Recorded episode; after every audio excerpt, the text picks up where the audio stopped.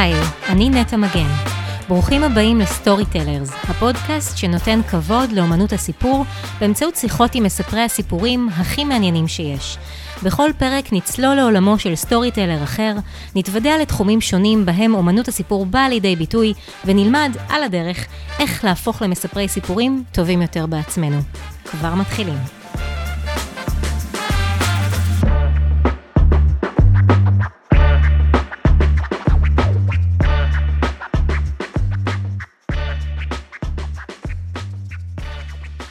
האורחת שלי היום חיה ונושמת דאטה, מתה על מספרים, אנליזות, סטטיסטיקות, אקסלים, גרפים וכל מה שמפחיד בדרך כלל בני אדם רגילים. היא בעלת תואר ראשון בפסיכולוגיה ו-MBA עם התמחות בהתנהגות ארגונית מהאוניברסיטה הפתוחה, והיא עוסקת בליווי מנהלים וארגונים במטרה לייצר עבודה אפקטיבית עם דאטה ולקבל החלטות מבוססות נתונים. בנוסף, היא גם מייסדת קבוצת הפייסבוק Speak Data, השפה החדשה של העידן הדיגיטלי, שם היא מעלה על נס נושאים כמו אוריינות נתונים, מודלים לעבודה עם נתונים, קבלת החלטות מבוססות נתונים, יש פה המון נתונים, מציאת תובנות בעלות ערך בנתונים, והחשובים מכל לעניין שלנו היום, לפרק data telling, כולל הצגת סיפור ושכנוע אפקטיבי על בסיס נתונים. אז אחרי הקדמה כזו ארוכה, שלום לך, דנה ארנון פרי. מה העניינים? איזה כיף היה לשמוע את המילה כל הזמן, נתונים, נתונים, נתונים, נתונים, מהדהד. זהו, שאת מבינה שבשבילך זה כזה התרגשות שיא, נכון. ובני האדם הרגילים, בני התמותה, הם אה, לא מרגישים ככה. ואני חייבת לציין שגם אני ביניהם, אני רוצה להגיד לך שהפרק הזה לא קל לי בכלל. בכלל, לא? בכלל, לא? לא? מקווה שתצאי ממנו אחרת. אני מאוד מייחלת לדבר הזה, אני רוצה להגיד לך שבתור מישהי שכל חייה סלדה ממספרים, ממתמטיקה, מאקסלים, מדשבורדים, מאחוזים, ועכשיו אנחנו לא סתם הולכות לדבר על נתונים ועל פרק שהוא מערב גם נתונים וגם מספרים, וגם סיפורים, אנחנו לוקחות את הנושא שאני הכי אוהבת בערך בעולם, שזה storytelling וסיפור, סיפורים ומילים כתובות, והולכות לחבר את הכל. אז אני רק יכולה להניח שיש הרבה אנשים שהם כמוני שאת נתקלת בהם ביומיום, נכון? נכון, הרוב, אני חושבת שזה גם אפילו מה שהביא אותי לתחום הזה. את לא ההארדקור של הדאטה, אלא דווקא המקום הלייט יותר, כאילו החיבור הזה ל-people oriented, מה שנקרא, כאילו להביא את זה, להביא את הדאטה to the people, לכולם. ואיך זה הולך? את מרגישה שאנשים באמת מפחדים, חוששים? איך בסדנאות חד? משמעית. בטח, בטח. זה- מזה, מזה יצאתי לדרך, הכרתי את זה כבר בעבודה, שם נתקלתי בזה. אמ, ואני רואה את זה היום מאוד. אני חושבת שהמסר הראשון שחשוב לי להעביר. כאילו, כמובן שזה תלוי בקהל, אבל אה, זה קודם כל להגיד להם, זה בסדר, סבבה, תרשו לעצמכם, כי זה, אני חושבת שהרבה חיו עם התחושה הזאת, הם לא יצאו איתה מחוץ לארון. מאוד נכון. זה, נכון, זהו, מסתירים את זה. יש כאלה שאומרים ישר, אני ודאטה זה קווים מקבילים, או אה, אני שומעת דאטה, נסגרים לי הת- הת- התריסים, לא משנה, כאילו, יש כל. מיני... אבל, אבל אה, זה דבר ראשון שאני אומרת, אה, שזה בסדר, ואין מה לפחד. שלא לימד... אין מה לפחד, וגם ש, שלא לא לימדו אותנו איך לעבוד עם נתונים, ובינתיים מה שקרה, בעיקר בעולמות העבודה בארגונים, זה שהדאטה התחילה להציף את העובדים האלה. זאת אומרת, מלכתחילה הם יצאו מבית הספר עם איזושהי חוויה לא כל כך חיובית, נקרא לזה, ו- ובצדק. אני, מהמם. אני עד היום אה, רואה את, ה, את האופן שבו מלמדים ואת התכנים, וזה נראה לי משהו קצת מכבה. אז הם באים כבר עם איזושהי הרגשה שהיא לא הכי חיובית, ו, ומה שקרה באמת ב, בעשור האחרון, בעיקר בשנתיים האחרונות נראה לי, זה איזושהי הצפה של דאטה, וכמו שאת אומרת, אנשים כמוך שלא אהבו את זה כל כך ולא היה להם שום כוונה להתעסק עם זה, פתאום זה פוגש אותם במקום העבודה וזה ממש לא בא להם טוב, מהמם. והם גם מצאו את המקומות להסתדר עד היום, ופתאום אי אפשר, לא אי אפשר לברוח. יותר, אי נכון, אפשר, נכון. בדיוק. אין לאן להסתתר. והם מבינים, אין, אי אפשר, הם לא יכולים להסתדר יותר, אז, אה, אז זה, זה באמת הרגשה שהיא לא, פש- לא פשוטה, אני חושבת שבאמת זה גם נחשב היום כ... איזשהו skill מאוד בסיסי, חרדה. אני חושבת גם. בנוסף לחרדה, זה גם הופך להיות משהו נכון. מאוד מאוד בסיסי בארגונים. אה, בסיסי והכרחי. מהמם. אז זה ממש אה, ככה. אז הדבר הראשון שאני באמת אומרת להם זה קודם כל, אני רוצה לשים את זה בצד, את ההרגשה שזה בסדר, וגם שלא ירגישו רע, כאילו זה לא באמת משהו שצריך ללמוד אותו. הייתה איזושהי הנחה מסוימת שכנראה טעינו בהנחה הזאת. כן. שמה שנקרא, נתונים מדברים בעד עצמם. אנחנו עוד נגיע לזה, אנחנו נדבר בעצם על למה הנתונים אה, לא בהכרח מדברים בעד לא עצמם. מדברים. בדיוק. אבל את יודעת מה? בואי נתחיל מהבסיס. אמרנו data telling, או data storytelling בוורסיות אה, שונות. בואי תסבירי רגע למי ששומע אותנו, מה זה בכלל אומר, ועד כמה שאת יודעת אה, ומכירה קצת על ההיסטוריה של המונח הזה, איך הוא התפתח, מתי הוא צמח, מתי כל הדבר הזה התחיל, אני אשמח ככה להחכים. אז אה, אני מתייחסת למה שנקרא data storytelling או data story, שזה משהו יחסית חדש.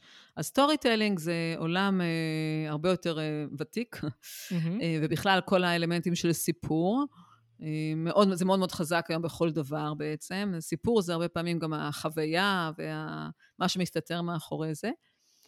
אני חושבת שהחיבור עם הדאטה זה משהו שנהיה פופולרי רק בשנים האחרונות.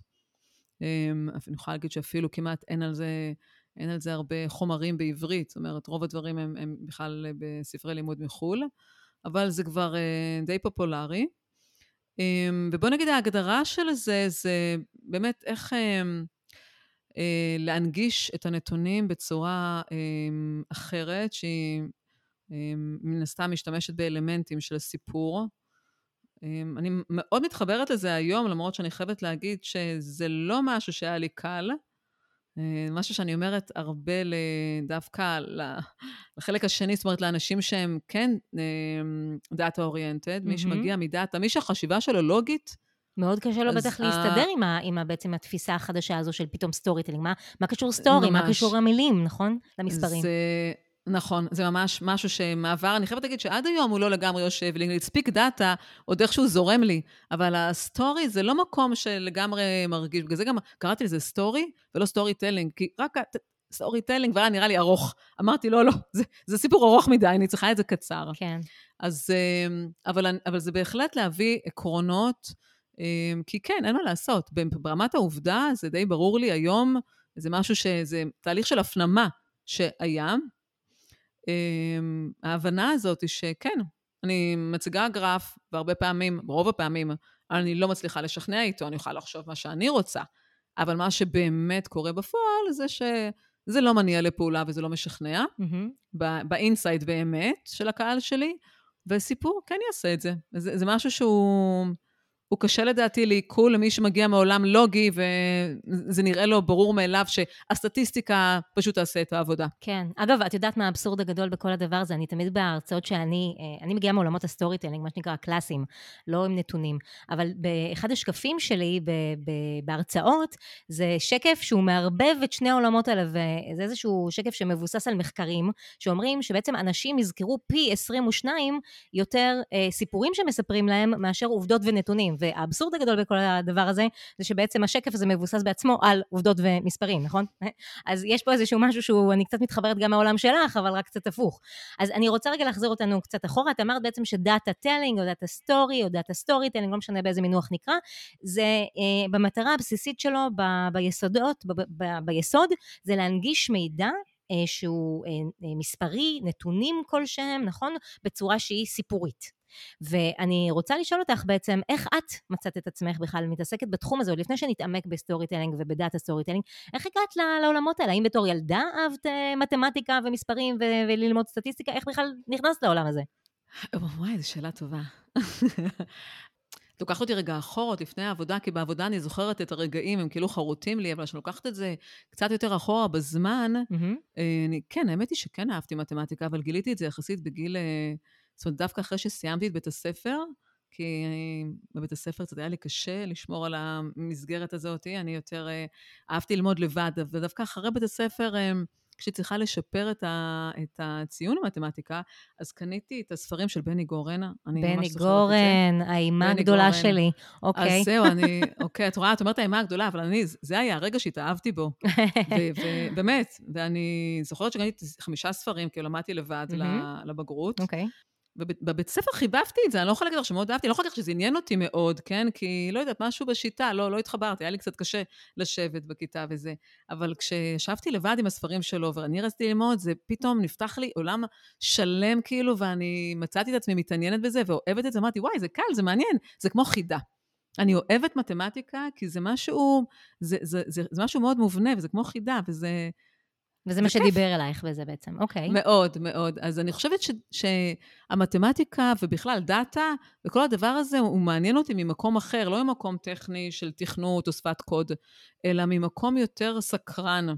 אני אוהבת uh, חידות, אני אוהבת uh, לפתור דברים, ומבחינתי זה סוג של uh, משהו שאני צריכה לפצח, לגלות, זה, זה נתון, זה, זה, mm-hmm. זה כמו לפתור חידה בלשית. כן.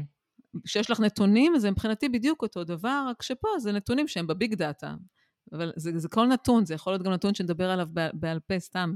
כן. מספרים קטנים, עדיין לאסוף אותם. זה אנליזה יותר מאשר דאטה, אגב. כאילו. נכון, נכון, נכון, אם אנחנו מחדדות את, ה, את המינוחים. אז, אבל בעצם מתי היה בעצם ה aha moment הזה, ככה, תוך כדי עבודה, שהנושא של חיבור בין הנתונים והמספרים והדאטה, צריך לשבת אה, גם על מילים ועל סיפורים? גם על זה. כן, איך זה ככה... אה, הגיעה אלייך, התובנה אה, הזאת? אז האמת שזה הגיע, ה story הזה הגיע אליי משני, משני מקומות, האמת היא. אז המקום הראשון זה דווקא למצוא את הסיפור בנתונים, ולא בהנגשת הנתונים. Okay. אוקיי. הסיפור פגש אותי פעמיים. בפעם הראשונה הוא פגש אותי בלמצוא את הסיפור בנתונים, אוקיי? Okay? וזה באמת הגיע מהמקום שלי, כמו שאני אומרת, זאת אומרת, הדרך שבה ניגשתי לשאלה כלשהי, לבעיה בעבודה, תחשבי רגע מהעולם העסקי, את רוצה mm-hmm. לפתור איזושהי בעיה. אז הדרך שבה ניגשתי לזה היא כל הזמן... אה, אמ, לי הרגישה מין תחושה כזו של אה, לפתור משהו מאוד מסקרן, ישר נכנסתי לתוך איזה עולם בלשי כזה, על משהו קטן, אבל ככה זה היה בחוויה שלי. Mm-hmm. אז, אז זה בעצם למצוא בכלל את הסיפור בתוך הנתונים, עוד לפני שאתה מנגיש. זה המקום הראשון שהסטורי פגש אותי, mm-hmm. ושם... אמ, הבאתי את זה לידי ביטוי עם, עם הדמות של שרלוק, אני לא יודעת אם ראית את זה ככה בוודאי. ברשתות. בוודאי. זהו, אז, אה, אז שרלוק זה מה שככה מסמל לי את. החלק הזה של הסיפור. Mm-hmm. והחלק היותר ויזואלי זה משהו שאני חייבת לומר, עוד פעם, לקח לי זמן, אה, וזה כאילו משהו שהוא עדיין קורה, אני ממש נמצאת בתהליך שלו, I'm, telling the truth, כאילו, זה ככה. אה, אבל אני ממש זוכרת את הסיטואציה בעבודה, את הרגע שאני הצגתי לאיזשהו אה, לקוח גרפים, כחלק מאיזשהו סטטוס מסוים מאוד מאוד חשוב, והנתונים, הסטטיסטיקה היא הייתה וואו, זאת אומרת, זה היה תוצאות של משהו מאוד מאוד חשוב, שהוכיחו את עצמם, ולא, כאילו, התגובה ממנו לא, לא הייתה לו את ההתלהבות שלי, והרגשתי שמשהו קרה ב understatement. שמשהו לא עובר בעצם, כמו שצריך. לא, לא עובד בכלל, וזה מאוד מאוד הפתיע אותי. ניסיתי לחשוב, מה, אני חייבת להגיד שהחלטתי להביא את הסיפור לתוך ה... המצגת הזאת, אבל אני חייבת לומר שזה לא, לא היה לגמרי מודע. זאת אומרת, הבנתי שאני צריכה לעשות משהו אחר, זה איזושהי פעולה שהחלטתי לעשות. הבאת, הבאתי את הסיפור בצורה מאוד מוחשית, זאת אומרת, הבאתי את הלקוח בתמונה, בכותרת, בפרטים שלו, ממש ככה, הבאתי את כל החוויה, את כל מה שהוא חווה לתוך השקף הזה, הסיפור הזה, וההבנה שלי הייתה בדיעבד. זאת אומרת, ברגע שראיתי מה קרה ללקוח כשהוא ראה את זה, אז באותו הרגע ככה הסתכלתי ואמרתי, מה זה היה? אני, אני אגיד את זה רגע ב, ב, באיך, בהסתכלות שלי, כאילו, זה לא במושגים של סטורי, כמו מה שאני הבנתי, התובנה שלי הייתה שהיכולת שלנו לקבל החלטה מהפרט אל הכלל, היא הרבה יותר גדולה מאשר הפוך. וזה משהו ש...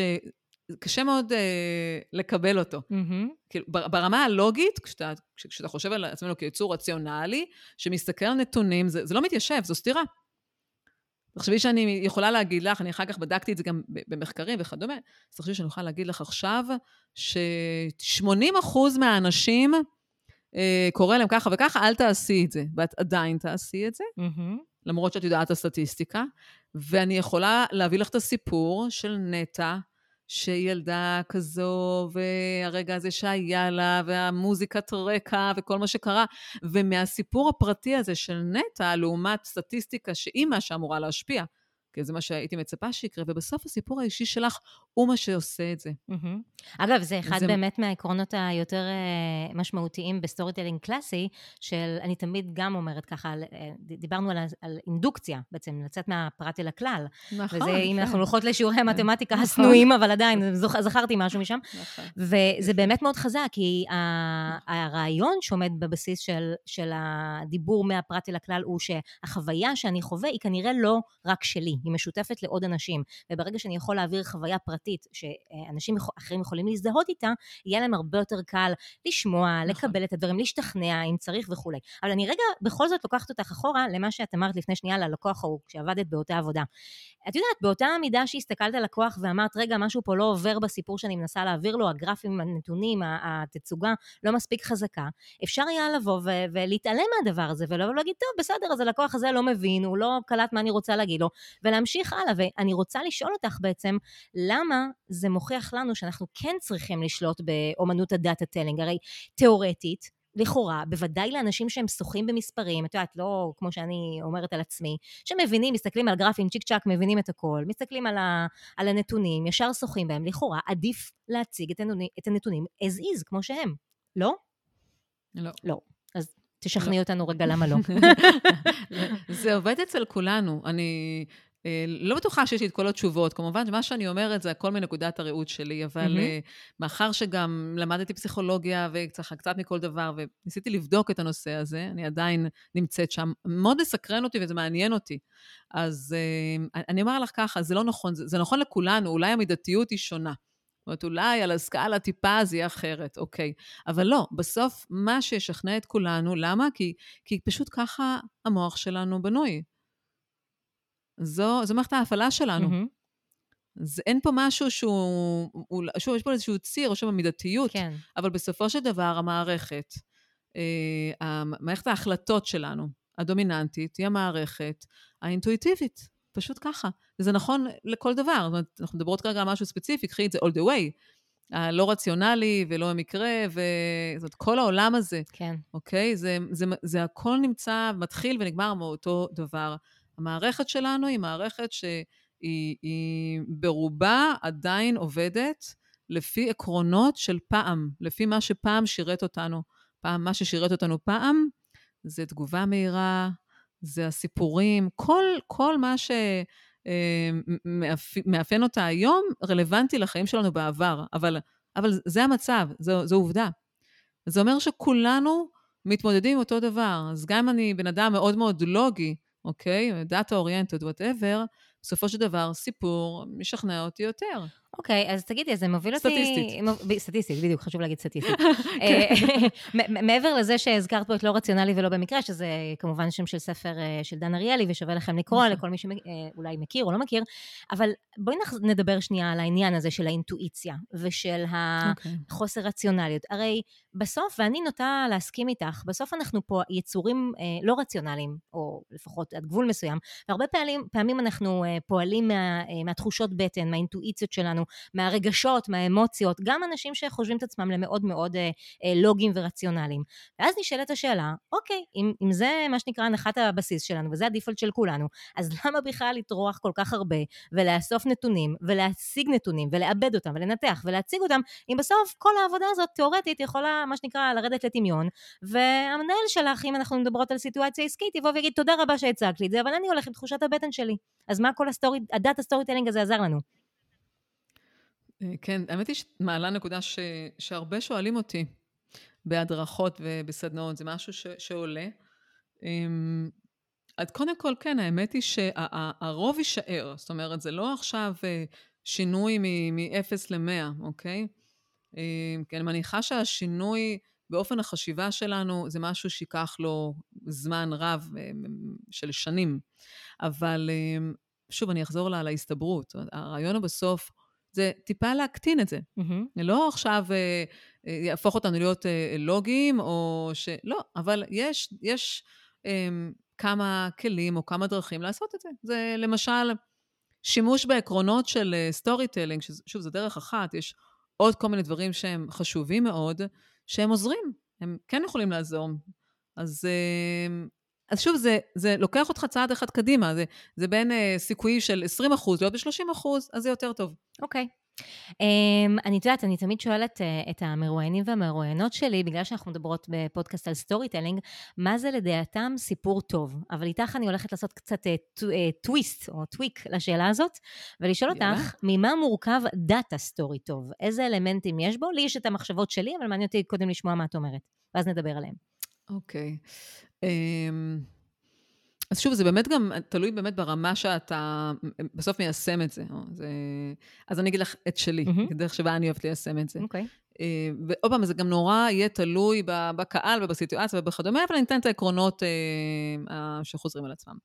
אז אה, קודם כל, הקשר למשל, זה משהו שיהיה מאוד מאוד חשוב, אוקיי? שתהיה איזושהי הבנה מאוד ברורה של הנתונים שאתה מציג אותם, לא רק מנקודת הזמן המסוימת, אלא גם להבין איזשהו, מה קדם לזה, אוקיי? צריך איזושהי הבנה. Mm-hmm. משהו מאוד מרכזי שגם דיברנו עליו מקודם, זה להביא איזשהו, זאת אומרת, זה יותר הייתי אומרת שילוב, אז אתה משלב איזשהו אלמנט שאתה כן יודע שהוא רגשי והוא אישי. אוקיי? Okay? זה משהו שאתה יכול לעשות בדיוק כמו הדוגמה מקודם. אתה יכול להביא את הדוגמה של הלקוח, אתה יכול להביא את הדוגמה של העובד. אגב, אני משתמשת בזה לאו דווקא בהצגה במצגת. זאת אומרת, זה יכול להיות מבחינתי להביא את, ה, את העובד לישיבה. אוקיי? Okay? זאת אומרת, מה, ש, מה שאני רואה לנגד עיניי יותר זה ה... זה, זה ההפעלה של מערכת אחת, אותה מערכת אינטואיטיבית, כאילו, אני פשוט רוצה להפעיל אותה. Mm-hmm. אז uh, זה עוד דבר. Um, לבנות, אוקיי? זה נורא נורא תלוי, אומרת שוב, הרבה פעמים זה להתחיל מהשורה התחתונה, שזה אולי קצת פחות סיפור, אוקיי? אבל ברוב המקרים, מאחר שזה דאטה למקבלי החלטות, אז ברוב המקרים אני ממליצה להתחיל מהשורה התחתונה, אבל מפה אפשר לבנות את ההסבר בסיפור. וזה, וזה, וזה ההבדל. זאת אומרת, אתה מתחיל מהשורה התחתונה, למשוך את תשומת הלב שלהם, או משהו שמגרה לפחות את השורה התחתונה, להגיד, אפשר לחסוך 200 אה, אלף שקל עם אה, פעולה אה, מסוימת, ועכשיו אני אסביר לכם איך אפשר לעשות את זה. Mm-hmm. ובתוך האיך אפשר לעשות, כבר לוקחים לתוך הסיפור, אז יש פה כל מיני אלמנטים. יש פה אלמנטים בכלל של סקרנות. ושאלות. את יודעת מה? זה הרבה פעמים סיפור הפוך מהסוף להתחלה. זה גם סיפור, אוקיי? אתה מתחיל מהסוף אמנם, כי אין את הסבלנות ומקבלי ההחלטות רוצים לדעת שזה מספיק מעניין אותם כדי אה, לשמוע את ההמשך. אני חייבת להגיד שאני הרבה פעמים מבקשת את זה בעצמי מחברים שלי שהם... מספרים לי מה שהם יודעים שאני מבקשת להתחיל מהסוף. מה השורה התחתונה? מה, מה אתם רוצים להגיד לי? בדיוק, ומשם לקחת אותי, אני, דרך אגב, אני אקשיב לכל הסיפור, אין בעיה, כאילו, אבל אני לא, לא יכולה לעמוד במתח הזה, זה כזה, אז מה, אז מה קרה, אז מה היה, אז מה, לא, לא, כאילו, תנו לי את הסוף, אחר כך קחו אותי לאן שאתם רוצים. שזה, אז... אגב, אני רק חייבת להגיד לך, כי את העלית את זה ככה בעצמך, זה בדיוק מה שלא עושים בסיפורים בלשיים. אה, ארתור קונן דויל היה, אם הוא היה שומע אותך עכשיו אומרת את זה, הוא היה אומר, אוי ואבוי. אה, היוצר, אם אני זוכרת נכון, של שרלוק הולמס.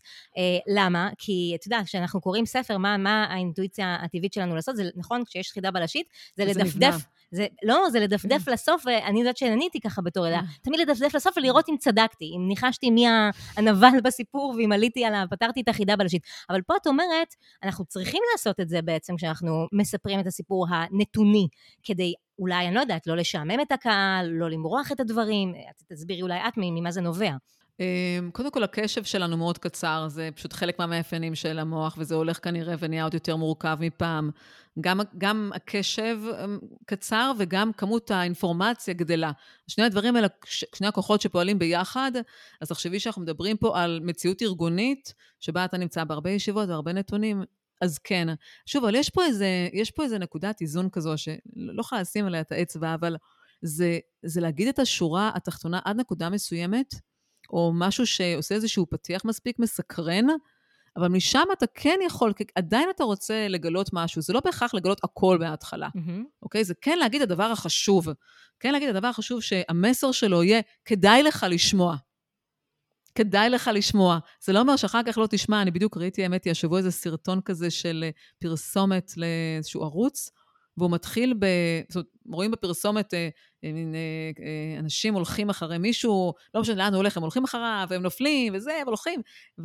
ואז מסתכלים על...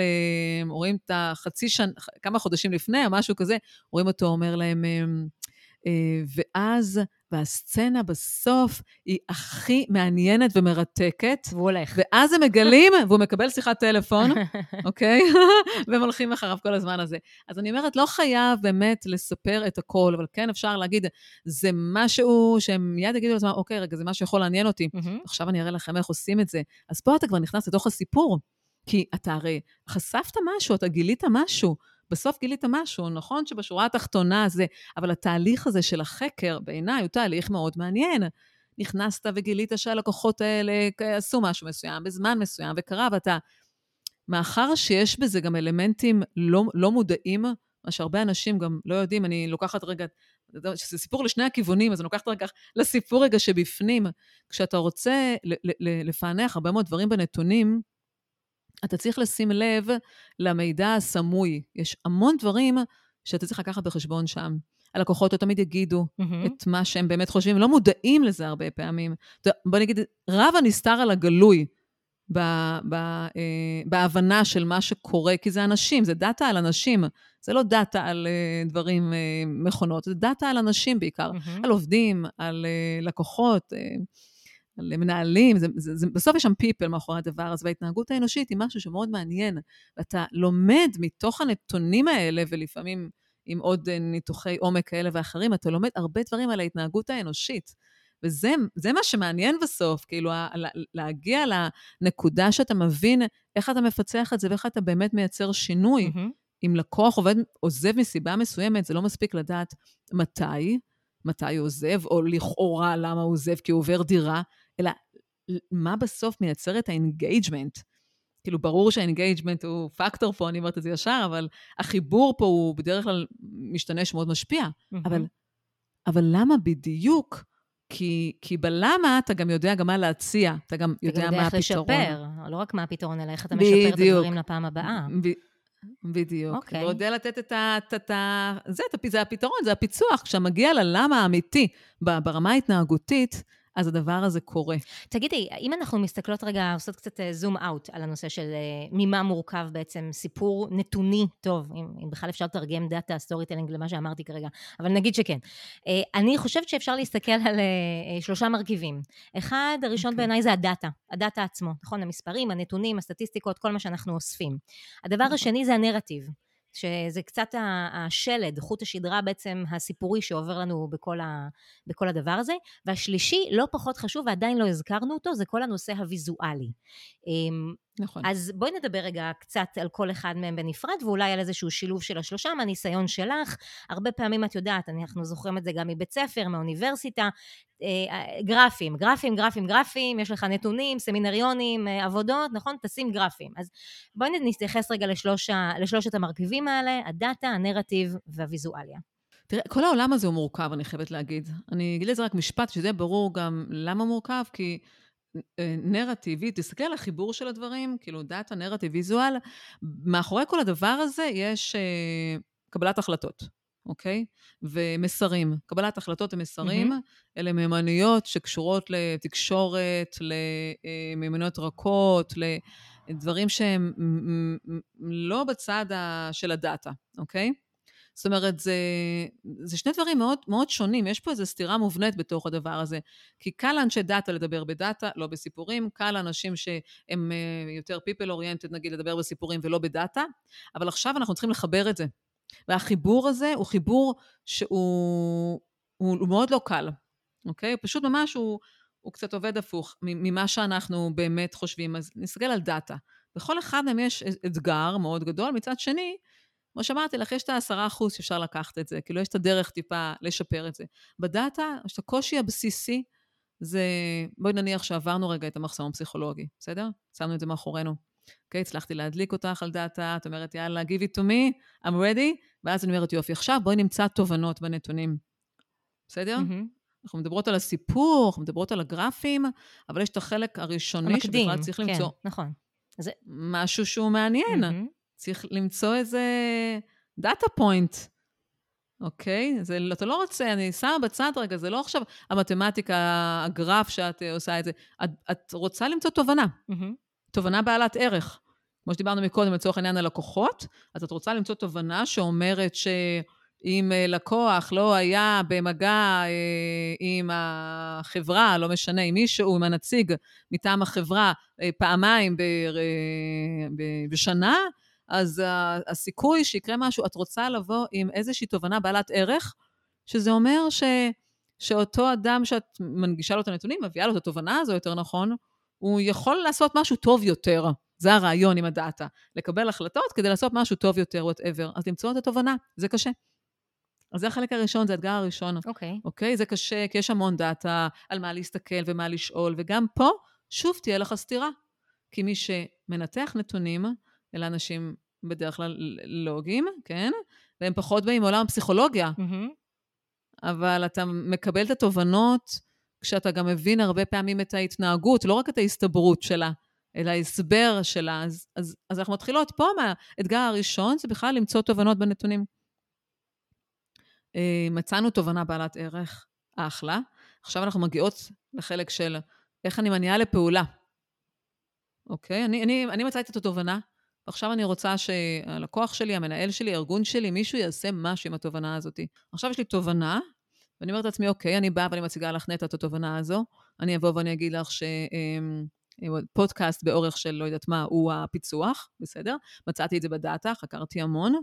אבל אה, אני יודעת שאת אוהבת פודקאסטים באורך של אה, אה, שעה, אני לא יודעת, ואני יודעת שלא יהיה לי קל לשכנע אותך לעשות את המעבר הזה, אוקיי? עכשיו יש לי תובנה שלי, זה לא עוזר לי, כי אני צריכה שאת תעשי את הפעולה, mm-hmm. אוקיי? המטרה שלי היא להביא אותך לעשות את זה. עכשיו אני צריכה לבנות את הסיפור שלי. אז יש לי תובנה, יש לי את נטע, יש לי מטרה, אוקיי? יש לי את האאוטקום הזה שאני רוצה, ועכשיו אני צריכה לבנות משהו שיגדיל את ההסתברות. המילה הסתברות תחזור על עצמה, אני רק אומרת את זה. בסדר גמור. בסדר? אוקיי. זה די מתבקש. אז כן. מתבקש. אני, מניחה שההסתברות שבעצם ההנאה לפעולה הזאת תצא לפועל, נכון? בדיוק, בדיוק. עכשיו, אני משתמשת מבחינתי בכל האמצעים. הנרטיב, הוויזואל, אמ, אמ, אמ, כל חזרתיות, עיבוד, אה, דוגמאות, כל דבר. אני מניחה שחלק לא מבוטל הוא יפגוש את הסיפור, mm-hmm. אוקיי? שוב, עבורי הרבה פעמים אני לא בהכרח אתרגם את זה באופן ישיר למילה סיפור, אני אתרגם את זה אצלי למערכת אחת, אותה מערכת אה, חשיבה האינטואיטיבית שלנו, אבל מאחר שהיא סיפורית, אז זה אותו דבר, mm-hmm. אוקיי? אה, אז אני בסוף אנסה לחשוב איך אני ניגשת לדבר הזה עם כמה שיותר עקרונות, שיגדילו לי את ההסתברות כדי לשכנע אותך. אז בואו נראה מה אני צריכה לעשות. אני צריכה באמת למצוא את, ה, את הנרטיב, אוקיי? אני צריכה לראות שיש לי פה סיפור ברור, שיש לי פה משפט קוהרנטי שאפשר להבין אותו. אני צריכה לראות שיש איזה שהם אלמנטים של רגש אולי. צריכה לראות איך אני מביאה את הדוגמה, המקרה הפרטי שדיברנו עליו מקודם. אני אבוא ואני אספר לך על הנתון הסטטיסטי הזה, תגידי לי כן, כן, כן, לא מדבר אליי. אבל אז אני אספר לך על מישהו שעבר משעה לחצי שעה, וזה היה Game Changer, אוקיי? אני אשים לזה מוזיקה קלאסית, שגם ככה עם תופים בסוף, תכניס אותך למוד של זה, ועוד כל מיני אלמנטים, אני אחזור על זה, אני אשתמש גם באלמנטים של עיבוד מידע, mm-hmm. אוקיי? של זיכרון, של חזרתיות, אמ, כל מה שאפשר בקיצור, אוקיי. כדי להביא אותך לנקודה הזאת, שזה החלק הוויזואלי, אני רק אגיד על זה גם כמה מילים. בטח. אמ, ברמה של הגרפים, בוא נגיד, אמ, גם פה, עוד פעם, זה, זה כבר נהיה לי כל כך מובן מאליו, אבל ברור לי שזה לא, אז גם את הגרפים אני מדברת אותם, ספיק דאטה אמרנו, אז אז לדבר אותם גם מבחינתי הם חלק מהסיפור הזה. זאת אומרת, אני משתמשת בהם, אני משתמשת בנתונים בכל מיני, בכל מיני דרכים, הם כמובן משמשים אותי לשכנוע. אז למשל, אמ, אני יכולה להביא את הנתון אמ, בצורה כזאת שדווקא לא הנתון שלך, דווקא לא התובנה שלי, דווקא יותר המקום של שכנוע, אני יכולה להגיד לך שהם... 80 אמ, מהאנשים שסיפרתי להם את זה ויישמו את זה, הצליחו להגדיל את ההכנסות שלהם פי שתיים, אוקיי? זאת אומרת, נתון תומך, מה שנקרא. אוקיי. Okay. כן, קבלת החלטות זה משהו שהוא קשה, קשה לנו לבצע, זה חלק מהחשיבה שלנו, והנתון הזה אמור בעצם לתת לך תחושת הביטחון, מכיוון שאנחנו חוששים לקבל החלטות, בגלל שאנחנו חוששים לטעות. אז, אז המוח שלנו מחפש מידע תומך, זה מרגיע אותנו, זה מפחית את הדיסוננס. כי את אומרת, רגע, למה שאני אבחר בחלופה הזאת? יכול להיות שזו טעות, האינטואיציה שלי אומרת לי, לא, נטע, תישארי עם השעה הזאת, mm-hmm. ודנה אומרת לי משהו אחר, ואז אני מנסה להביא מידע תומך. כי באופן טבעי תהיה לך איזושהי התנגדות. כן. אז אני מביאה לך את הסיפור, אבל לא בטוח שזה יסגור לי את כל הפינה, with all the respect. אז אני אומרת, אוקיי, וגם שתדעי, הרבה אנשים שעשו את זה, זה עבד אצלהם, ו... אז את אומרת, רגע, זה, זה עוד מידע תומך שיכול להיות. זה מאוד מזכיר ו... לי קצת, אני, סליחה שאני ככה פותחת רגע איזה סוגריים, כן. תכף נחזור לקצת לדבר עוד על הוויזואליה והגרפים, אבל מה שאת אומרת מאוד מאוד מזכיר לי אה, קצת את מה שאנחנו רואים באתרי אה, אינטרנט להזמנת אה, טיסות או מלונות. אה, הרבה פעמים קופצות לנו נוטיפיקציות בצד, נכון, שאומרות, אה, 80 אנשים כבר הזמינו את החדר הזה, מה איתך? בדיוק. וזה, אגב, ככה, למי שמאזין, יש ספר מדהים אה, אה, לכל האנשים שהם ככה בעולמות ה product, המוצר, בעולמות בעולמות ההייטק, אולי ממי שמאזין, אה, ספר שנקרא Hooked של אה, ניר אייל, והספר הזה הוא יושב בדיוק על התובנות הפסיכולוגיות שמניעות אותנו לייצר אה, פעולה. ועוזרות לנו, או יותר נכון מייצרות עלינו סוג של מניפולציות בקבלת החלטות. וזה קצת ככה בחיבורים, אה, מה שנקרא אינטואיטיביים, מתקשר לי למה שאת אה, מדברת עליו. אבל אני רגע סוגרת את הסוגריים ונחזיר אותך רגע לענייני הוויזואליה והגרפים, וגם על זה יש הרבה מה לשאול. אני בטוחה שהרבה ממי שמקשיב לנו כרגע מסתבך עם גרפים ולא יודע לבחור בגרף דיאגרמה וגרף עוגה וגרף כזה וגרף אחר. אני יודעת שאני תמיד מסתבכת עם זה. אז אולי טיפה נדבר גם על זה. איך אני יודעת באיזה תצורה ויזואלית כדאי לי לבחור או מה להציג ביחס לאיזה פרמטרים. איך אני בכלל ניגשת לדבר הזה? האמת שזה נורא פשוט, אני חייבת להגיד. באמת זה נורא פשוט, בגלל שבסוף זה חייב להיות פשוט בתצוגה. זאת אומרת, כל הדבר הזה אמור להיות הפוך, בגלל זה זו החוויה של החוויה שלך היא חוויה של אה, איך ניגשים לזה, זה כזה, כי יש משהו בתבנית שיצרנו מאיזושהי סיבה, שהיא תבנית נורא נורא מורכבת בכל מה שקשור עם נתונים, היא לא עובדת אגב. זאת אומרת, החוכמה היא לפשט, לכן בסוף יש בערך שלושה גרפים שצריכה להשתמש בהם, אוקיי? אין יותר מדי, אוקיי? של, של הסיפורים, אגב, זה בדיוק העולם שלך. אם הייתי עכשיו יכולה להראות לך, יש לי ממש, אה, לקחתי נתונים של אה, אה, נתח שוק של חברות אה, סלולר, okay. אוקיי. של עשור, mm-hmm.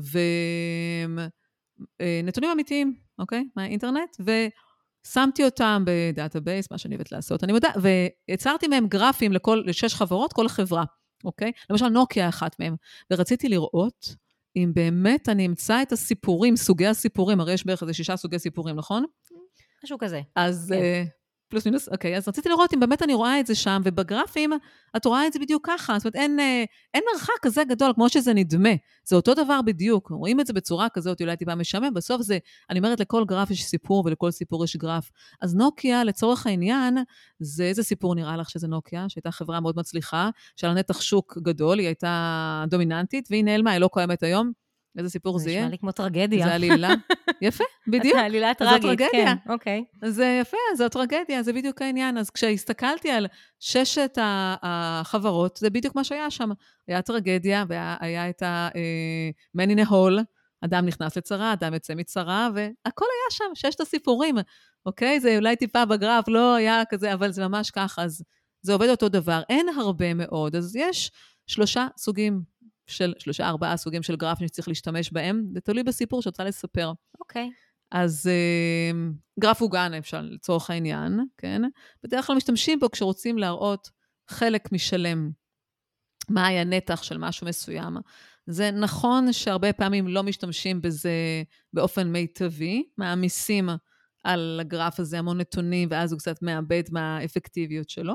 אז טיפ קטן לגרף עוגה, עדיף אה, לא אה, לא להציג אותו כשיש הרבה מאוד פלחים, אלא אה, שניים, שלושה, ארבעה, ולהשתדל שהוא יהיה ברור. אוקיי. Okay. אה, ושאר הגרפים, שזה גרף עמודים, גרף עמודות וטורים, אוקיי? Okay? Mm-hmm.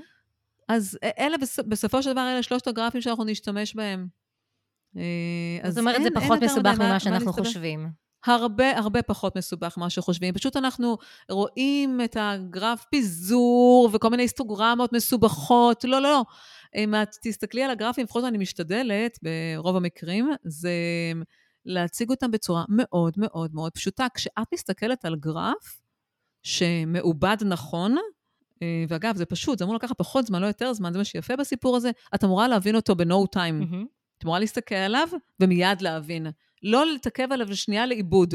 אם את צריכה להסתכל עליו ולחשוב, אני לא עבדתי מספיק טוב. זה מעניין, זה דווקא מתקשר לעיקרון אולי פחות סטורי uh, טלינגי, אלא יותר מרגטיאלי, אבל יש uh, ראשי תיבות uh, שנקראים כיס, uh, Keep it simple, stupid. נכון. וזה בדיוק בטח. יושב על זה שאתה צריך לשמור על הדברים מאוד מאוד פשוטים, לא לסבך, ובכלל, את יודעת, אומרים שמי שלא מצליח להסביר במילים פשוטות את מה שהוא מדבר עליו, הוא כנראה בעצמו לא מבין כל כך על מה הוא מדבר. לא מבין. Uh, נכון. אני רוצה רגע לקחת אותנו טיפה טיפה uh, לרגע אחורה, כי את הזכרת מקודם משהו שהוא uh, מעניין אותי, דווקא ברמה הביולוגית-פסיכולוגית. דיברת על ה-people oriented לעומת ה-data oriented, או נקרא לזה ה-human oriented versus ה-data oriented.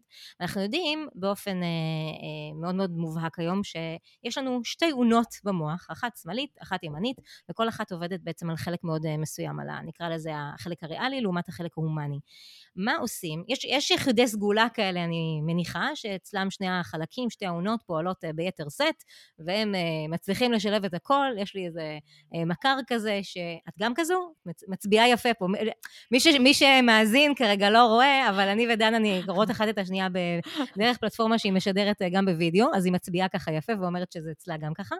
אז מגניב וכיף לך, אבל אצל רוב האנשים הם לא, זה בעצם זה לא עובד ככה. ואז נשאלת השאלה, בבואנו אה, לשלוט או לנסות אה, לשלוט באמנות ה data storytelling, מה אנחנו עושים? איך אנחנו בעצם ניגשים לדבר הזה? אם אני בתור מישהי שהיא יותר הומנית, או לחילופין מישהו שהוא יותר ריאלי, איך אנחנו מפצים על החלק השני כשאנחנו באים לספר את, ה, את הסיפור הנתוני?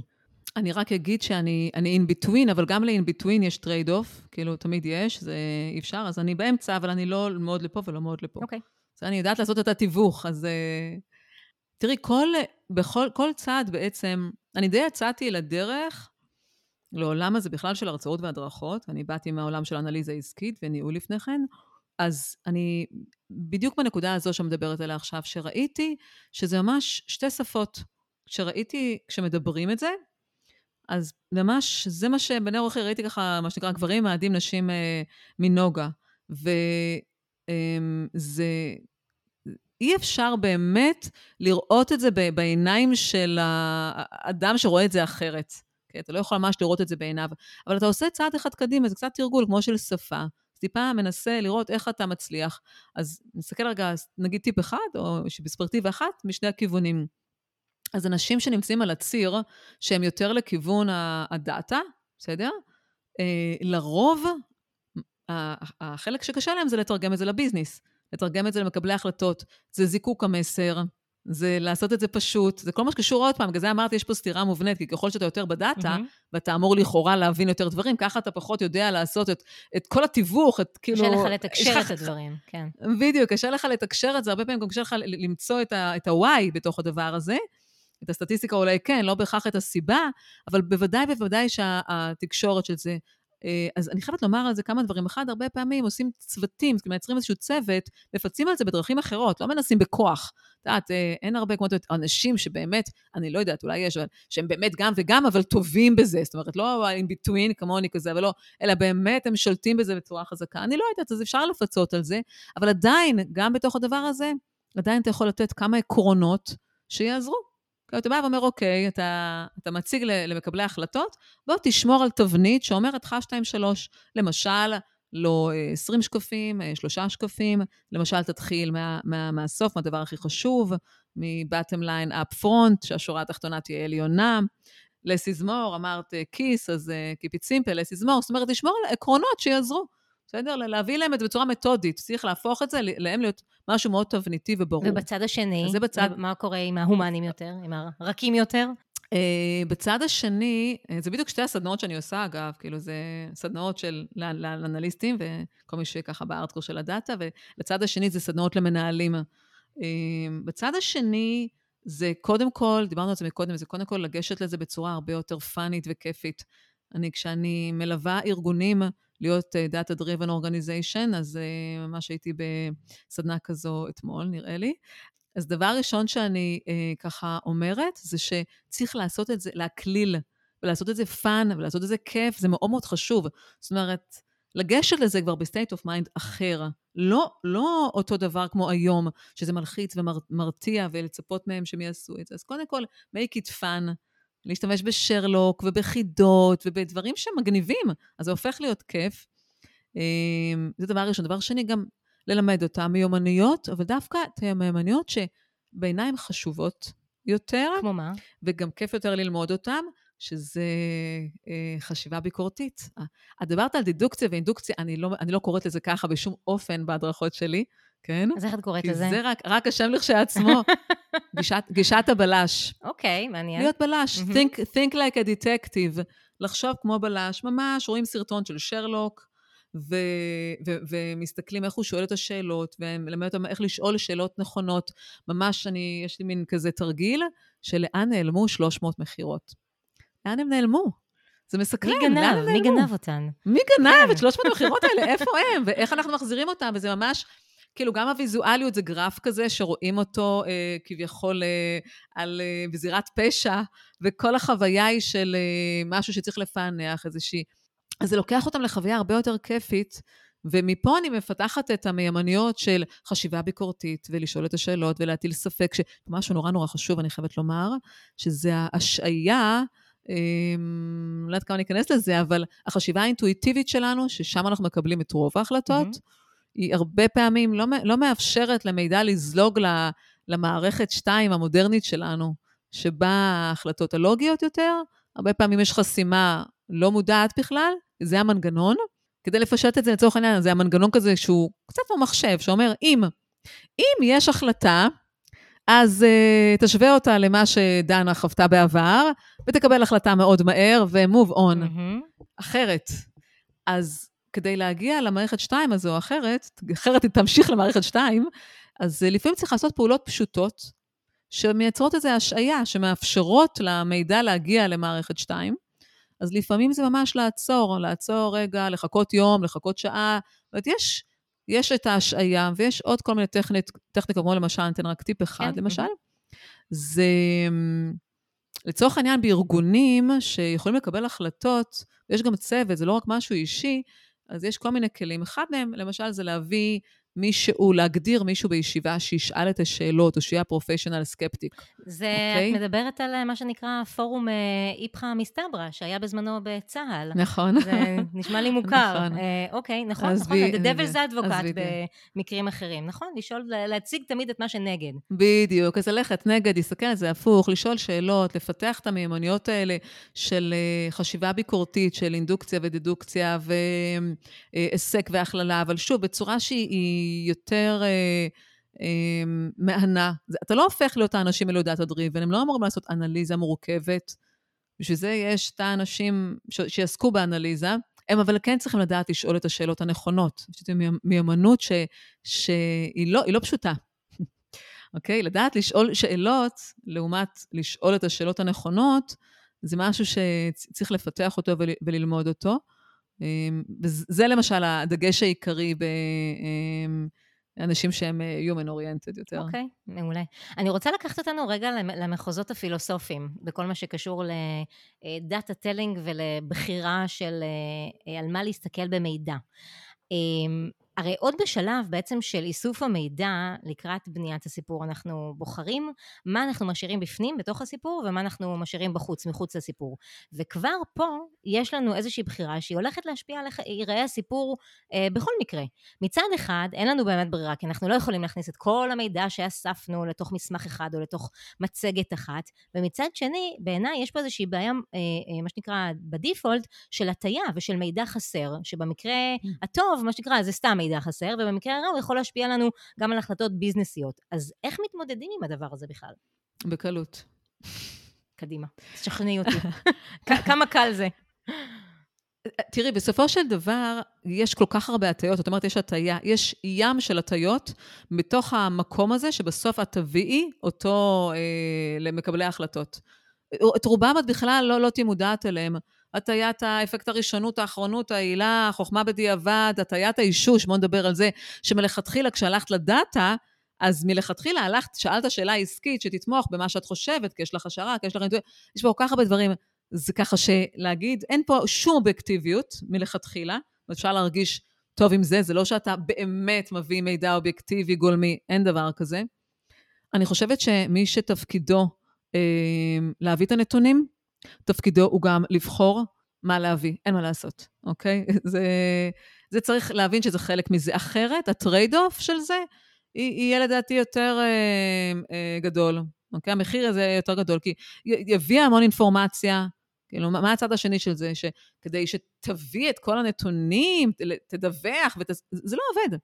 אז uh, נקרא לזה מניפולציה, נקרא לזה בצורה מודרנית יותר נאג', okay. אוקיי. דחיפות קטנות, mm-hmm. זה עניין של סמנטיקה, אבל, uh, אבל כן, מי, ש, מי שנובר בדאטה, מי שתפקידו uh, לחפש uh, את התובנות, תפקידו גם לתת את ההמלצות. זה לא התפיסה שהייתה פעם על דאטה, לך תביא לי דוח טכני. זה לא הדבר הטכני, זה לא מייצרי דוחות, אוקיי? זה סיפור אחר.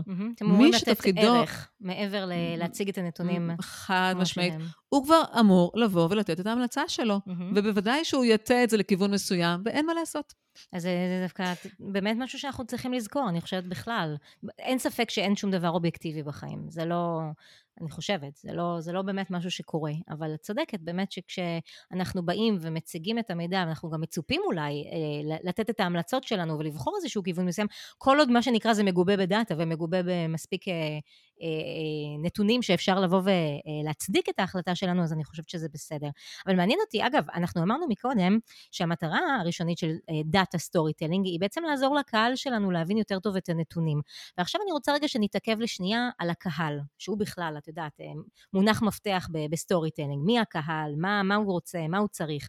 ומעניין אותי מה את חושבת באספקט הזה כשאנחנו מציגים את אותו סיפור לקהלים שונים, ובואי ניקח לדוגמה מנהלים מול עובדים. נגיד שיש לי מצגת שעבדתי עליה, עשיתי איזשהו פרויקט בעבודה, והמנהל שלי רוצה שאני אציג את התובנות, את, את, את הנתונים אה, לפורום המנהלים, ושבוע לאחר מכן אני צריכה להציג את התובנות ואת הנתונים לעובדים, לקולגות שלי. ונגיד שיש שוני בהתייחסויות, אז איך אני ניגשת לזה? מה הכלים או איזה הסתכלות או על מה כדאי לי לשים לב כשאני בעצם אה, מייצרת סיפור אה, נתוני, את ה data storytelling הזה לקהלים שונים.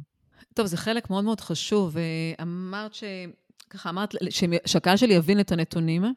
אז אני אומרת שהרבה פעמים המטרה שלי זה, זה לא הבנה, כי ההבנה הרבה פעמים היא אמצעי. כאילו, נכון שלפעמים המטרה יכולה להיות הבנה, כן? אבל, אבל לרוב זה איזושהי הנאה לפעולה. יכול להיות מאוד שאני אה, אציג את זה להנהלה לצורך העניין, אני ארצה שהם יקבלו איזושהי החלטה כלשהי, אחר כך כשנציג את זה לעובדים, ניקח את זה כדוגמה, אני ארצה שהם כבר יעשו איזושהי פעולה. ההצגה תהיה שונה בתכלית, אוקיי? לשני הקהלים האלה. המטרה שונה בתכלית, ההצגה שונה, המסרים, כמות הדאטה שאני אביא, זה יכול להיות בכלל, אה, אה, בתצוגה זה יכול להיות שני דברים שונים לחלוטין. יכול להיות מאוד שאת לא תראי פיסת מידע בכלל של דאטה, כשאני אציג את זה לעובדים אגב. יכול להיות שלא יהיה שם גרף אחד. כי פה אני כבר צריכה לעשות משהו אחר לגמרי, אני צריכה להניע לפעולה, אוכלוסייה מסוימת, אה, אני אצטרך לחבר את זה. בוא נגיד לך ככה, אני צריכה לשאול את עצמי כמה שאלות. בכלל, ש- שאלות זה מבחינתי הדבר המרכזי שמלווה אותי all the way, אוקיי? אז גם פה, אני צריכה לשאול את עצמי את השאלות. מה אני רוצה בכלל להשיג? אוקיי? עד, עד כמה המסר הזה הוא מורכב? עד כמה הוא חשוב? עד כמה... אה, איזה התנגדות, מה רמת ההתנגדות הלא מודעת אפילו, הלא מודעת, אוקיי? ש, אה, אה, אה, איזה התנגדויות יכולות לצוף? אמ, כמה המסר הזה קל לאיבוד? ואני אז בכלל ניגשת לזה, אמ, מנסה להביא את כל האלמנטים, את הדרך בעצם, שתצליח להניע אותם לפעולה, ויכול להיות מאוד של לא תראי שקף בדבר הזה, לא גרף וגם לא שקף. לא חייב להיות בצורה הזאת. בסוף אני צריכה להעביר את זה בצורה נורא נורא פשוטה. הסיפור פה יעבוד הכי טוב. ככל שהשגת המטרה קרובה יותר להנאה לפעולה, ככה הקרבה לסיפור, או הקרבה, בוא נגיד, למערכת האינטואיטיבית שלנו יותר גדולה. Okay. ככה אני אוקיי. צריכה להתרחק יותר מהדאטה ולהתקרב לסיפור על הציר שלי. Mm-hmm. אוקיי? להנהלה אני אולי כן צריך לתת קצת נתונים ולתרגם את זה לכסף, ומה ההשלכה של זה, ואיך הם יראו את זה בשורת הרווח. שאגב, גם את זה מתרגמים את זה לסיפור שלהם. כי שורת הרווח זה הסיפור של הצלחה שלהם, זה המיצוב שלהם, זה הבונוס שלהם, זה הרכב שלהם, זה, ה... זה הקידום שלהם. הכל אה, פרשנות של נתונים, לא נתונים, זה תמיד פרשנות של הנתונים. מעניין, אוקיי.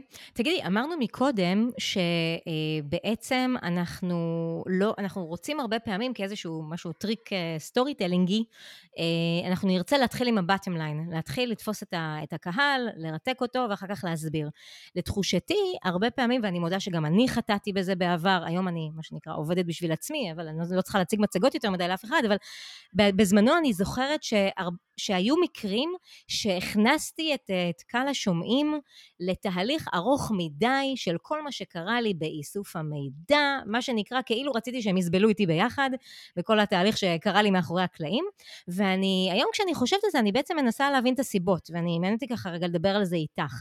אני חושבת ש... הסיבות יכולות uh, לנבוע או כשמי שמציג לא מספיק שולט בנתונים, או כשהוא מפחד מעצם קיום של דיון אחר כך על הסיפור שהוא מציג, או אולי כשהוא חושב שבאמת יש צורך להראות תהליך ולא שורה תחתונה, למרות שלעניות דעתי, הרבה פעמים דווקא כן מנהלים ובוסים רוצים את השורה התחתונה שיחסכו להם כאב ראש. ומה שאני ככה רוצה לשאול זה א', איך אנחנו יכולים לא ליפול לבור הזה, מה אנחנו צריכים לשים לב או לעשות, או להימנע ממנו כדי לא ליפול לבור הזה ש, שתיארנו, וגם איך אנחנו בעצם אה, מאפשרים, כשאנחנו מציגים מצגת שהיא לא סתם מצגת, אלא רוצים לייצר ממנה דיון, איך אנחנו באמת אה, נותנים את הזמן בעצם ההצגה שלנו ובעצם סיפור הסיפור של הדאטה, כדי שאפשר יהיה לדבר מספיק זמן על הנתונים, ולא רק אה, להשאיר את הדבר הזה לשתי דקות האחרונות. תראי, אה, זה צריך פשוט לשנות את התבנית מחדש. נוצרה איזושהי תבנית שאני לא יודעת להגיד לך למה, יכול להיות ש... כנראה שהיה לזה הסבר רציונלי, כאילו, ללמה יהיה איזשהו הסבר, כן, ש, שבזמנו היה רציונלי. אה, יכול להיות שמאוד, שמי שבעבר הנגיש את הנתונים, זה היה רק אה, אנשי דאטה בהארד-קור, כאילו, זה היה סיפור אחר לגמרי. אבל מה שבטוח זה שהמוח שלנו חושב בצורה תבניתית, ככה הוא בנוי, אוקיי? הוא מייצר לעצמו תמיד תבניות. נוצרה תבנית פעם, ותבניות נשמרות. מאוד קשה לנו לשנות תבניות, אוקיי? אמ, אז יש איזושהי תבנית. התבנית הזו קיימת אצל כולנו, היא קיימת בכל ארגון, היא קיימת אצל כל בן אדם. אה, התבנית הזאת, אפשר לנסות עכשיו, אני ואת, לדעת, לנסות לנתח ולפרש מה, מה, מה גרם, מה, מה הוליד את התבנית הזאת. אמ, כנראה מה שאמרת נכון, להרגיש, לשקף את העשייה שלך. אה, אני חושבת שזה היה פעם עדות גם ל... ל אה, אמ, אולי לכמות אולי, ההשקעה. לכמות, לכמות ההשקעה, למידת ההבנה שלך, זה משקף הרבה פעמים מידת ההבנה שלך, זה מראה כאילו על כמה אתה אה, חכם או רציני או שולט בזה, אוקיי? כן. אני חושבת שזה עוד פעם, אז זה היה ההסבר, ההסבר פחות אה, מעניין. כאילו, מעניין, אבל לא, זה לא האישו. נשמור את זה לדיון בטוח. פסיכולוגי אחר. אוקיי, את אומרת. בדיוק, זה, זה החלק הפילוסופי. יהיו לזה את הסיבות של זה, יהיו כן. לזה, אנחנו נמצא. אבל מה שבטוח זה שנוצרה תבנית. אוקיי? אותה תבנית שנתת אותה כדוגמה, לצורך העניין, שבאמת להציג הרבה מאוד נתונים, אה, כמו שאת אומרת, באמת, אני קוראת לזה מסע הפרסונ... מסע ה... אה, אביה דולורוזה. אה, זה... כן, ממש ככה, דרך האיסורים זה לגמרי. כן, למה שרק אני אסבול בדיוק מה שאני אומרת להם? אז, אז באמת, יש איזשהו משהו, אז אוקיי, יש תבנית. הגיע הזמן לשנות אותה. בסדר? עזבי רגע להבין את הלמה. זה, זה חשוב, אבל צריך פשוט לייצר תבנית חדשה. עכשיו, זה קשה. זה קשה, אני, לשמחתי, אני שומעת את זה היום מכמה ארגונים. אני ממש שמעתי את זה אתמול, האמת, זה ממש שימח אותי, שמעתי את אותו ארגון אומר שהם עכשיו בדיוק בונים אה, תבנית חדשה. כן, כן, צריך לייצר תבנית חדשה, אין פה יותר מדי מה לחשוב ולשבור את הראש. צריך להבין שמשהו השתנה. די, כאילו, משהו השתנה, זה לא רגע, עובד, אז רגע, אז מה אנחנו עושים כשאנחנו רוצים לייצר תבנית כזאת? מה, מה נגיד, אה, בין שלושה לחמישה אלמנטים של, של אותה תבנית צריכים להיות לדעתך? עם מה מתחילים, איך ממשיכים, עם מה מסיימים? כמות השקפים חייבת להיות כמות כזו שהיא מתאימה למוח שלנו. 50 שקפים, 20 שקפים, לא מתאים. כמות הגרפים והנתונים ששמים צריכה להיות, צריכה להיות בהתאם ליכולת העיבוד שלנו. וזה לא בהלימה, זה צריך להיות הרבה פחות. הצגת הגרפים חייבת להיות מאוד ברורה, כי המוח שלנו לא יודע לפרש את הגרפים המסובכים האלה. חשוב לי להגיד שלא רק שלא יודע לפרש, זה גורם לו לפעולה של הימנעות, ואנחנו ממש לא רוצים שזה יקרה. אז הגרפים צריכים להיות פשוטים יותר. הקשב שלנו מוגבל, אוקיי? ולכן ישיבה של שעה לא מתאימה. צריך להפוך את כל הפירמידה הזאת, להתחיל מהסוף. אנשים רוצים לראות מה יצא להם מזה, ולמה זה מעניין אותם, what is it in for me, אוקיי? למה, למה שהם ימשיכו להקשיב ולא יהיו עכשיו אה, בפייסבוק, בטלפון? הקשב בשנייה, כאילו, אתה, זה לא כמו פעם שישבת בישיבה, היית חייב להקשיב. לא, אתה תוך שנייה פיזית שם, אתה, אבל אתה לא, הקשב שלך לא שם. Mm-hmm. אז לתפוס את הקשב מיד בהתחלה. אז uh, זה החלק הראשון. כמו שאמרנו, לעשות את זה פשוט, לא להעמיס, להעביר מסר שהוא ברור. המסר צריך להיות uh, בפרונט. אוקיי? הוא צריך לקבל את התעדוף, ואחר כך הדאטה, כן הדאטה, לא. ולא אתה, אגב. ולא אתה, זה בטוח. כן. לא אתה ולא הדאטה ולא שום דבר, הקהל שלך והמסר שלך והמטרה שאתה רוצה להשיג. כן. אז יש לנו פה, זה החלק הראשון. והחלק השני זה לתת יותר מקום למה שבאמת משפיע לקבלת, על קבלת החלטות. כי שוב, אנחנו מדברות בסוף על כל הדבר הזה, כדי שמישהו ישתכנע, וזה קשה, וכדי שמישהו אה, יעשה איזושהי פעולה אחרת, וזה קשה, ולכן אנחנו רוצים לתת מקום למה שחשוב, לעיבוד, לשאלות, להתנגדות, אה, לחלק הזה, שהוא בדרך כלל לא מקבל היום ביטוי אה, כמעט בכלל, אה, ואם כן, אז ממש מעט בתוך התמהיל של התבנית. אז פשוט צריך לקחת את התבנית, ולא לא, להתאמץ לא, למדי, ולהגיד, אני לא, לא, לא צריך לעבוד עם התבנית הזה יותר. לא צריך לעבוד עם תבנית של שעה בדרך הזאת, בואו רגע נחשוב מה התבנית שהיא באמת נכונה, ולתוך התבנית הזאת נכניס את ה-professional skeptic, ונכניס uh, חשיבה um, הפוכה, ונכניס שאלת שאלות, ונכניס עיבוד וחזרתיות, ונכניס את כל העקרונות האלה מחדש. זה לא כזה סיפור. צריך לייצר תבנית חדשה ולעבוד איתה. Okay. היא אוקיי. תעבוד uh, תקופה. ואז אולי שוב. אימצנו, אימצנו, אני מקווה שמי שעכשיו, אני אימצתי, מי ששומע אותנו, אני גם מקווה, בדיוק. תבנית חדשה, אני חוזרת על זה, תבנית חדשה, תבנית חדשה. את הזכרת מקודם, אנחנו קצת כבר מתקרבות באמת לסוף הפרק, אמ, את הזכרת מקודם, זה רק ככה אה, את נשים אה, ממאדים וגברים, לא, נשים, גברים ממאדים ונשים ממוגה. מנוגה, כן. נתחיל מההתחלה. כן. גברים ממאדים ונשים מנוגה, זהו, עשיתי פה סלט. אז אוקיי. בואי נדבר טיפה על היבט אה, מגדרי. שהוא יכול להיות גם מעניין בעיניי. מי עושה data telling אממ. יותר טוב, נשים או גברים? או, איזה שאלה. אמ, אין, אין לי דאטה כדי לענות לך על זה, I'm telling the truth. באמת, לא בדקתי את זה. אז מה את לא חושבת בשלוף, בלי דאטה מסודר? מה אני חושבת בשלוף? באינטואיציה. אמ, באינטואיציה, אני חושבת ש... אני חושבת שנשים יהיו מספרת אה, סיפורים טובות יותר. אה, אני לוקחת את זה מתוך, עוד פעם, מתוך המקום שהמוח שלנו בנוי, אבל שוב, אני... זה רק הדרך שאני רואה את זה, בגלל שהם... לסיבה למה דברים קורים, מאוד קל להבין שמסתכלים על זה אחורה, אני תמיד אומרת, אה, זה כאילו דנה בסוואנה. דנה דאטה ודנה בסוואנה, זה מה שאני רואה בעיני רוחי, אז כאילו, בתקופה, בתקופה של פעם, אני חושבת שלנשים, אמ, אני מניחה שהן היו צריכות להיות אה, יותר אולי, שמרו על הילדים, היו צריכות להיות יותר, להעביר אה, חינוך דרך uh, סיפורים. אני מניחה, אני לא בטוחה שאולי ה skill הזה, תראי, ה skill של התקשורת נראה לי יותר מפותח אה, אצל נשים, אז אני, אני מניחה שאולי יהיה לנו את היתרון בזה, okay. אוקיי. אבל מאחר שאנחנו מדברות על דאטה. דאטה, בדיוק. story. אה, בדיוק. אז פה, יש פה איזה catch, יש פה איזה catch. אני חייבת להגיד שזה, כי מצד אחד, החלק של התקשורת יהיה טוב, טוב יותר אולי אצל נשים, החלק של הדאטה אולי טיפה יותר אצל גברים. אה, ובסוף אתה צריך למצוא את ה-in-between, וזה מעניין. אני אגיד לך שאני הסתכלתי לא מזמן על הנתונים של אה, מסיימי, סטודנטים שסיימו תואר ראשון. רציתי לראות באמת ההבדלים במגדר ובתחומים. אז אני יכולה לומר לך, מה שראיתי, זה שנשים, רוב הגברים באמת במקצועות ההנדסה, מתמטיקה, פיזיקה והנדסה למיניהם, חוץ מהנדסת תעשייה וניהול, ונשים בכל המקצועות היותר טיפוליים ורקים. עכשיו אני אדבר על איפה זה באמצע. יש כמה מקצועות שהמקום מאוזן. את רוצה לנחש? וואלה, אין לי שמץ של מושג. אוקיי, כלכלה. בכלכלה דווקא? הייתי כן, מהמרת כן, לכאורה כן. יותר על גברים, אבל uh, את מפתיעה אותי. כן, לא. אולי אני סתם סטיגמטית. לא, כלכלה, גם okay. אוקיי. הנדסת, גם הנדסת תעשייה וניהול. כן. Uh, וגם uh, אנליזה, זאת אומרת, דאטה אנליסטים, גם העולם הזה, לשמחתי. כל המקומות האלה שהם לא בהארדקור, הם לא כאלה מאיימים, הם לא כאלה מדעי המחשב, הנדסת לא יודעת מה, אוקיי? כל משהו טיפה יותר, טיפה יותר באמצע של זה, mm-hmm. שם הנתונים יותר מאוזנים.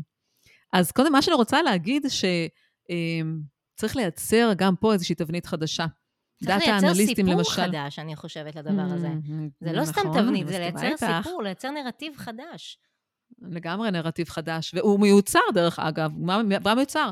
כי כבר היום בחטיבה של, אה, אה, של אה, מידע ונתונים, שזה מגמה חדשה בשנים האחרונות שנכנסת ותופסת תאוצה, שאני מלווה אותם, ואני אה, מאוד שמחה לראות את זה גדל, ובמגמה אצלהם רואים את זה בצורה ברורה.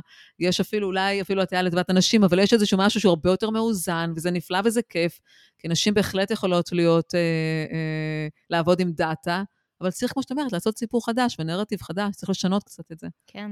טוב, אז למדתי. מזמינה אותך להרים את הכפפה, כדי בפעם הבאה שנדבר, שתדעי להגיד לי מי עושה data telling יותר טוב, אה, נשים או גברים, תחקרי את זה בינתיים. לא, הולכת לאסוף, הולכת לאסוף נתונים. בדיוק. טוב, אז שאלה אחרונה, ממש לפני שאלון אה, פרוסט, אמ, איזה נגיד אה, שלושה טיפים יש לך בשביל מי שמקשיב או מקשיבה לנו, ורוצה לחזק את שריר ה data telling שלו? נכון שזרענו פה אה, לאורך הפרק אה, כל מיני טיפים וכל מיני אה, ככה עצות, אבל בואי ננסה לאגד לשלושה טיפים אה, אה, אחרונים לכל מי שרוצה להתחיל ככה יותר להשתפשף ב data telling. למצוא את הסיפור, לפני הכל. למצוא את הסיפור בתוך הנתונים, להבין בצורה ברורה במשפט. הולכים לאיבוד הרבה פעמים בתוך הדאטה, להתרחק, לעשות זום אאוט ולרשום מה אני רוצה להגיד לעזאזל, מה, מה המסר שלי. דבר ראשון. דבר שני, להציג את זה בצורה מאוד מאוד פשוטה, שתהיה מובנת לכל אחד שמסתכל על זה, גם לילד. והדבר השלישי, להוסיף לזה איזשהו משהו נוסף, אישי, רגשי, מעניין, מסקרן, משהו, משהו יכול, לא צריך לקחת את זה, ש, ש story לא ילחיץ אתכם, אוקיי? הרבה פעמים זה הפוך, כאילו, אותך נגיד מלחיץ דאטה, יש אנשים מלחיץ אותם story. אז לא, תעשו את זה, זה לא צריך להיות story ממש שיווקי מסובך, ארוך, אני לא יודעת מה. לא, מספיק משהו קטן, מסקרן, מעניין, מדליק. אוקיי? יכול לעשות את השינוי. שלושה דברים. אני חושבת שהמסר הכללי כאן של הפרק הוא, חברים, אין מה להילחץ. אין מה להילחץ מדאטה ואין מה להילחץ ממילים וסיפורים.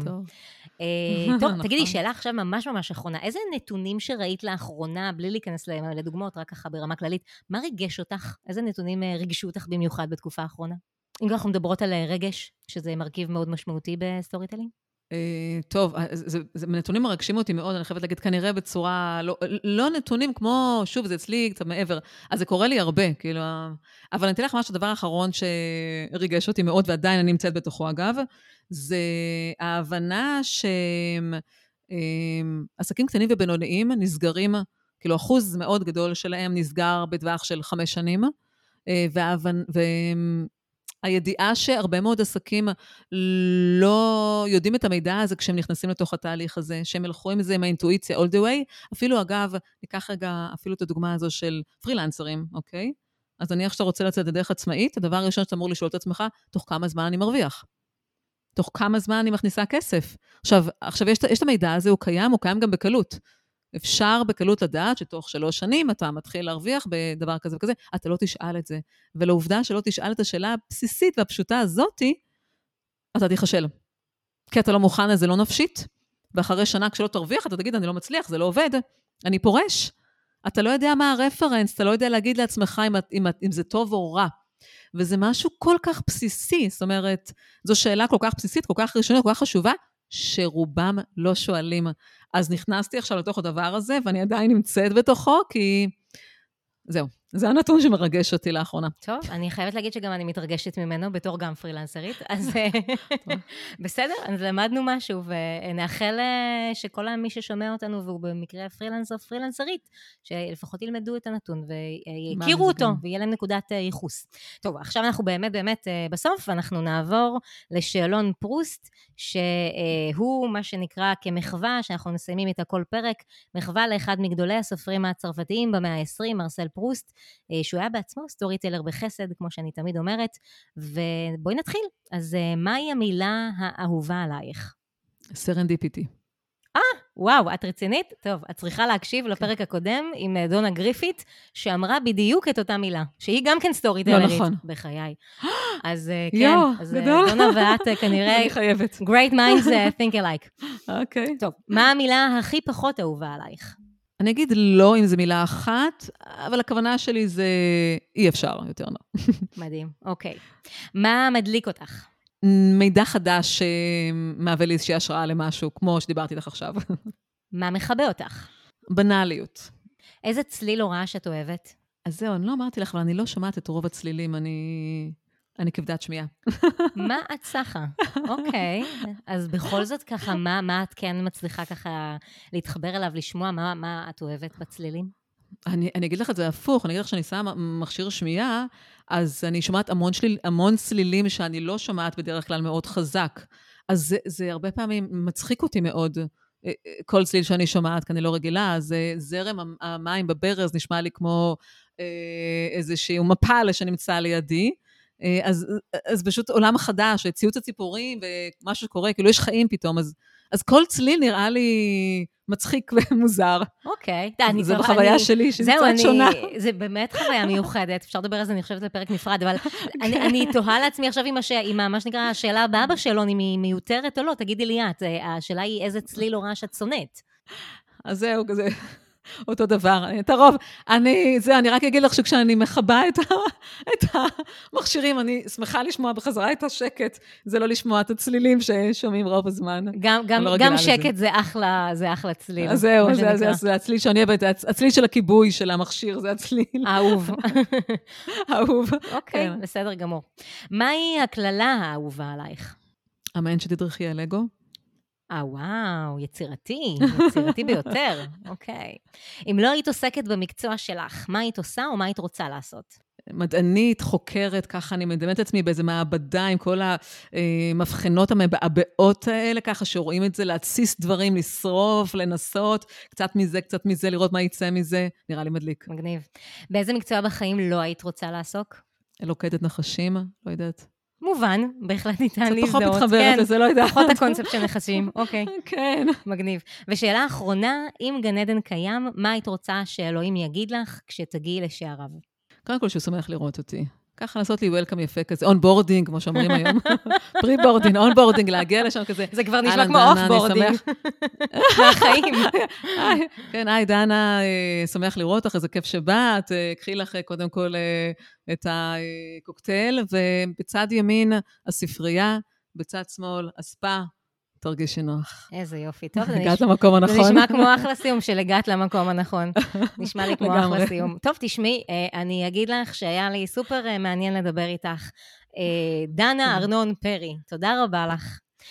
היה באמת תענוג, ואני אגיד לכל מי שמאזין ומאזינה לנו כרגע, מה שנקרא על רקע מוזיקת הסיום, שעד הפרק הבא, תחשבו אתם שם בבית, מה הסיפור, או במקרה הזה, הדאטה סטורי שלכם.